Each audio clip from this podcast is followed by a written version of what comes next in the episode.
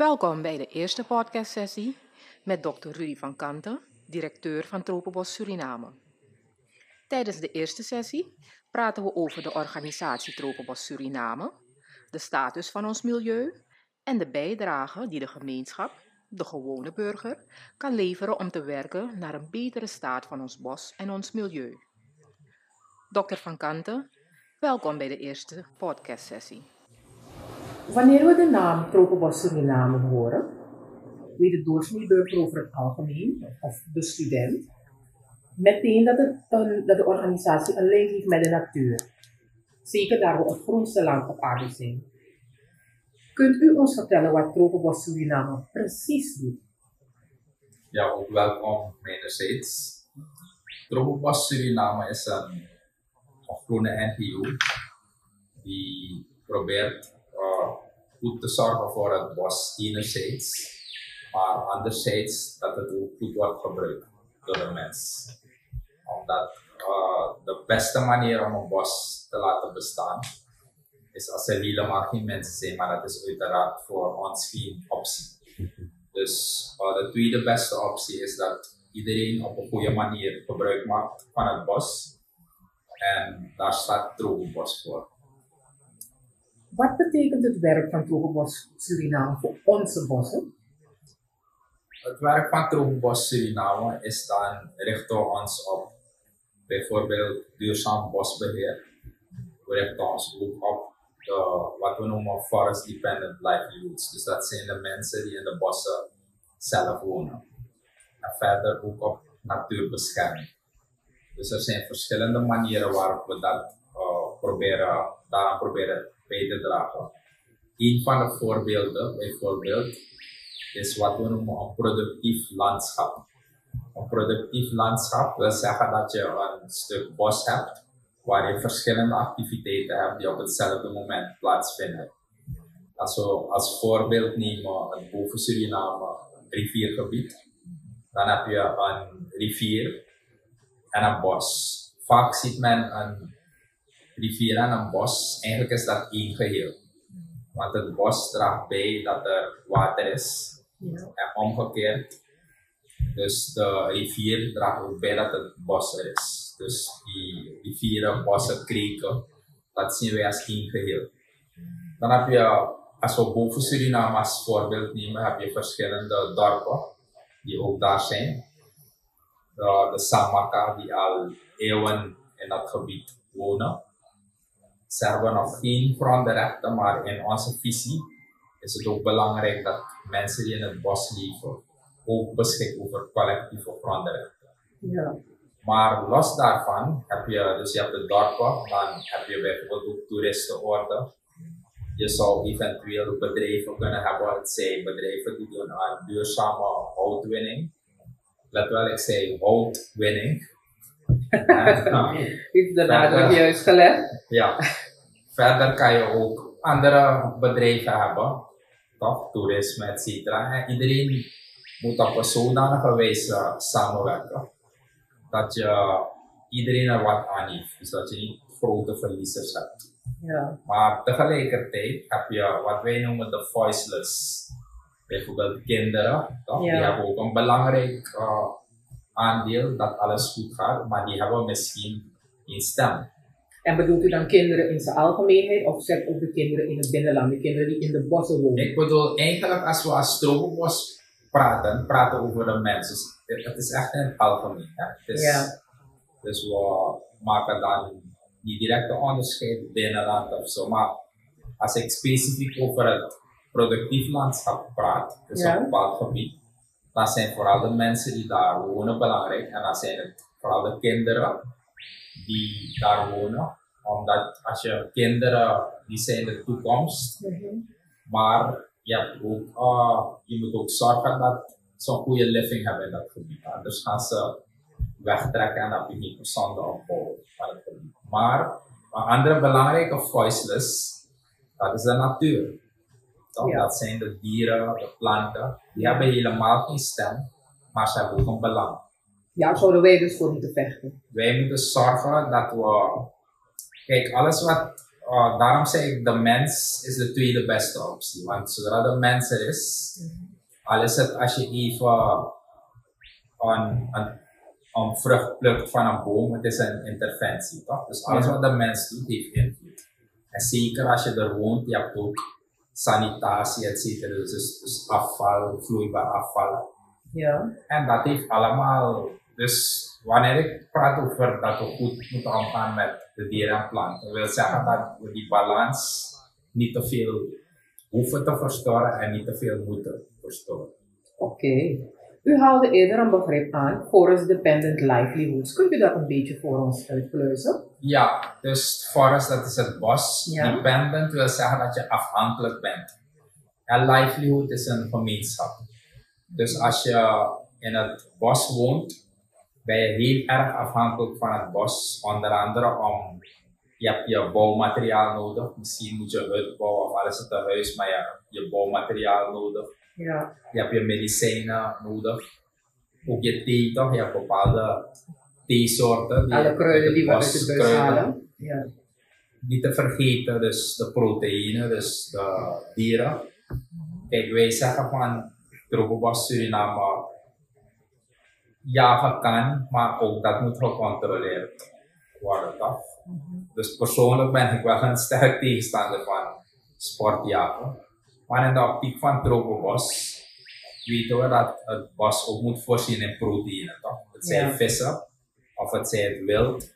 Dus uh, forest dependent livelihoods, de mensen die in het bos wonen, zijn ook daarvan afhankelijk om te voorzien in hun behoeften. Oké. Ik zei daarnet iets moois. U bent niet zo'n voorstander van jagen. Maar u gaat ook nooit vissen, hoor. Uh, vissen soms, maar dat is, ik moet wel En dan gooit je die vis terug. Nee, nee, nee. Dus Oh. in mijn geval is het anders. Ik ben een heel slechte Engelaar.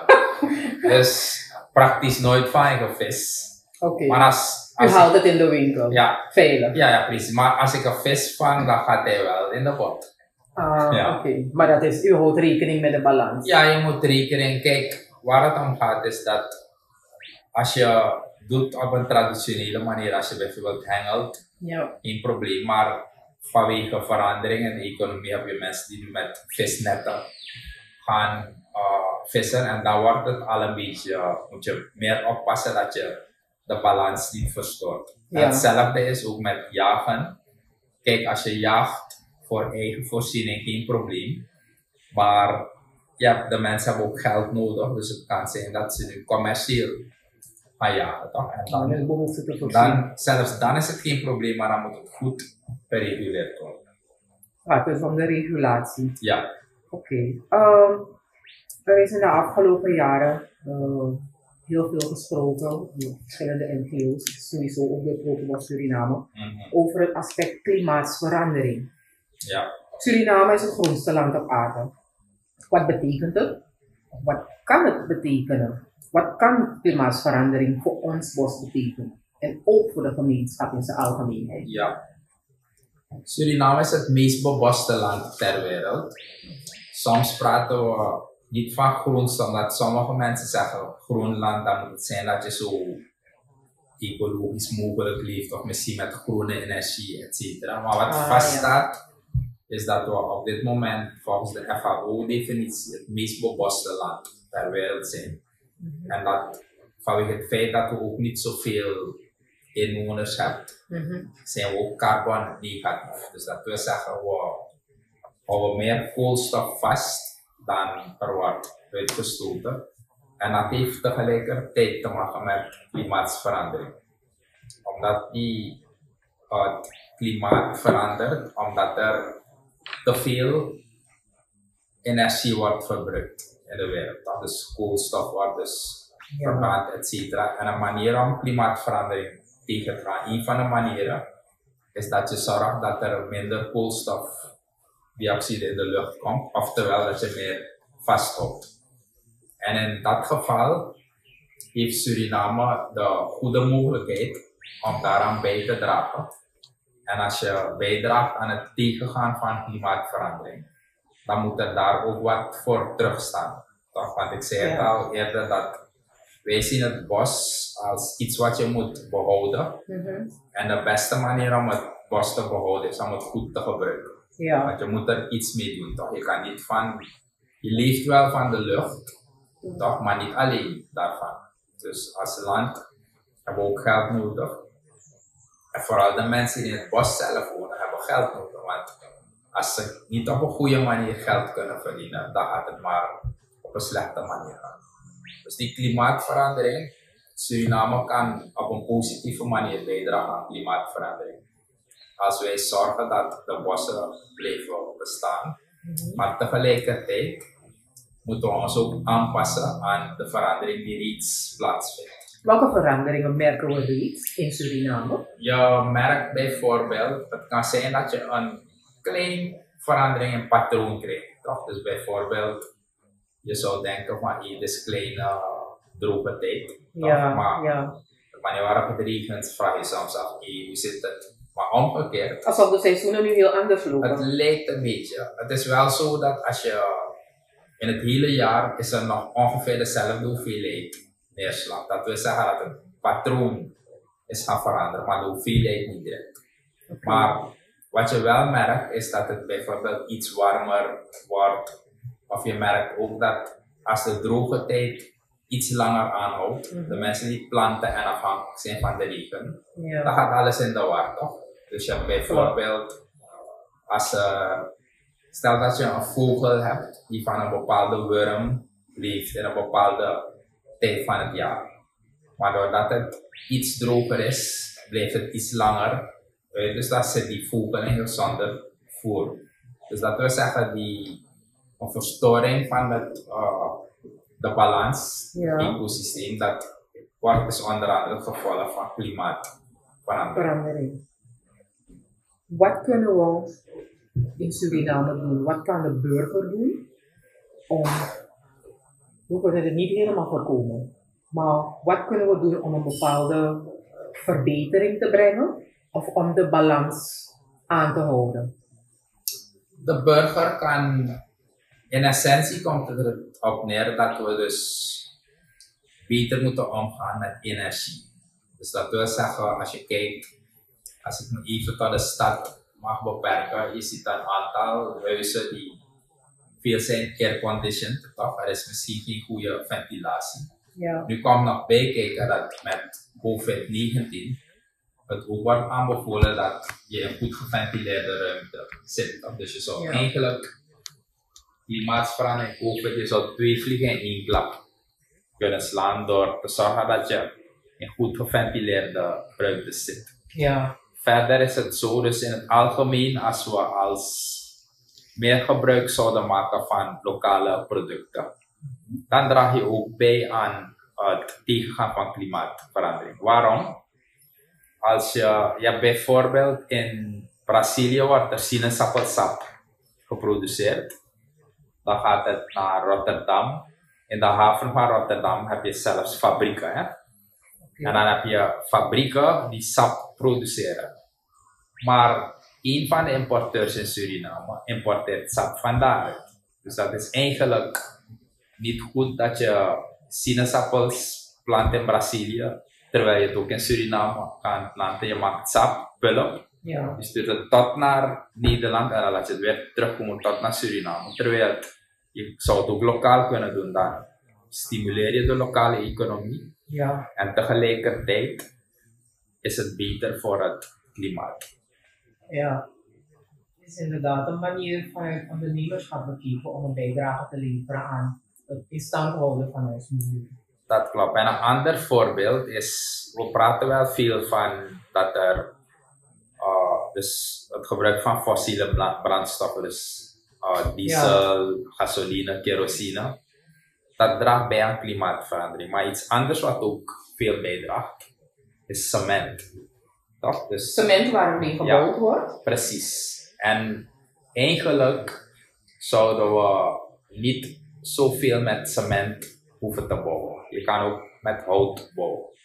Dus als je een deel zou vervangen door hout, dan zouden we als land ook al bijdragen aan die klimaatverandering. En tegelijkertijd, in plaats van dat we dus die, het rondhout exporteren, toch? zouden we liever meer hout lokaal kunnen gebruiken. Je verdient dan meer je hebt minder bomen nodig en je draagt nog bij aan klimaatverandering. En dat is trouwens ook de missie van Tropenbos. Dus wanneer we het hebben over duurzame houtkap, Ja. Tropenbos Suriname is niet tegen houtkap. We zijn voor een goede hout, houtoogst. Toch? Dus je kan, als je het op een goede manier doet, draag je bij aan klimaatverandering, want je gaat minder cement gebruiken. En tegelijkertijd kan je nog wat eh, zorgen voor inkomens, toch? Voor de mensen die er werken. En je doet het op een zodanige manier dat het bos op een gezonde manier kan voortbestaan. Ehm, ik vind de opmerking maakt over minder gebruiken van cement ehm, best interessant. Gaf aan hout als optie. Wat zou gemiddelde samenstelling moeten zijn voor een eenvoudige drie slaapkamerwoning bijvoorbeeld? Een eenvoudige gezinswoning binnen een bepaalde omtrek in verhouding met eh, bomen die er horen te staan. Ik, Ja. weet, ik begrijp dat dit kan leiden tot een heel ander onderwerp, maar ik wil deze vraag Ja. wel stellen en misschien kunnen we dan in de volgende sessie hier dieper op ingaan. Als u het nog even kort Kijk, je zou natuurlijk moeten berekenen hoeveel, over hoeveel kubieke meter hout we praten. Dus ik ken dat niet uit het hoofd. Maar er is trouwens nog een heel belangrijk aspect wat ik nog niet had genoemd. Ja, We leven in een tijd waar binnenkort gaan de elektriciteitsprijzen worden aangepast. klopt. toch? En we hebben in, zeker in Paramaribo, een grote fout gemaakt door te bouwen op airco's. En dus men gaat het sowieso al beginnen te voelen dat je kosten van je leven gaan, de mensen die afhankelijk zijn van airconditioning, gaan veel meer moeten betalen. Als je met hout bouwt, is het ook nog luchtiger. Toch? Maar wat er, hoeveel precies aan hout je nodig hebt voor een, wat is echt een driekamer woning, dat kan ik nog, dat zou echt even een doorsnee aannemer zou wel kunnen aangeven. En als we eenmaal weten hoeveel hout er is, dan kunnen we automatisch berekenen hoeveel bomen dat zou, zouden zijn. Oké. Ehm, kunt u ons een statement geven waarbij u adviseert hoe de gemeenschap beter zou kunnen inspelen op behoud van ons milieu, specifiek behoud van onze bossen? Kijk, wanneer we het hebben over bossen, hebben we het eigenlijk over bos en bomen, toch? Ja, Want we hebben ook een project in Paramaribo zelf, dat gaat over urban forestry. Omdat als je kijkt naar, als we het meest beboste land ter wereld zijn, zou je verwachten dat we ook een stad hebben waar je heel veel bomen ziet. En dat is het antwoord op de vraag. Dus we hebben het over bos en bomen. En ons inziens, als je bos en bomen hebt, heb je sowieso een iets beter lokaal klimaat. Dat wil zeggen, het is wat koeler als je in een bos bent of je bent gewoon in de volle zon, dan is het alvast koeler. En verder draagt het eh, helemaal bij aan een, laten we zeggen, een betere leefomgeving. En tegelijkertijd heb je dan nog het voordeel, dus dat je een kleine bijdrage levert aan het tegengaan van klimaatverandering. We gaan niet veel kunnen veranderen omdat we een klein land zijn, maar we kunnen wel als voorbeeld dienen. En dan worden we misschien wel het groenste land ter oké. Dank u wel, dokter Vakante, voor ehm, de manier waarop u de informatie met ons gedeeld heeft. Ehm, ik denk inderdaad dat met onze bevolking van gemiddeld een half miljoen mensen, dat als we de koppen bij elkaar steken, en zeker ook met de informatie die komt vanuit Lokobos Suriname, dat we ehm, steeds op, op, onze eigen manier bij moeten kunnen dragen aan het en aan het in balans houden van ons milieu. Want daar gaat het uiteindelijk om. Er zijn bepaalde dingen die je heel moeilijk kan stoppen, maar zolang er een gezonde balans is, dan is de kans groter dat we iets nalaten voor de generatie die eraan komt. Ja, dus tot slot even het doel van Tropen was uh, herhalen dan. Is Wij willen kennis en informatie laten werken voor bos en mens. In die zin dat als je goede informatie hebt, kan je ook betere beslissingen nemen op alle niveaus. Dus de beleidsmakers, Ja. maar ook de mensen in het veld. En daarin maken we de combinatie tussen traditionele kennis, dus Ja. de kennis die de mensen al hebben, en wat we noemen de moderne kennis. Als je die twee combineert, dan heb je een heel krachtige oplossing. Dank u wel. Vond u deze podcast interessant? Deel dit binnen uw netwerk en onder uw vrienden. Voor meer informatie over de organisatie Tropenbos Suriname kunt u naar onze Facebookpage www.facebook.com slash Suriname. Bezoek ook onze YouTube-channel www.youtube.com slash Suriname en bezoek onze website www.tropenbossuriname.com. Tot de volgende sessie.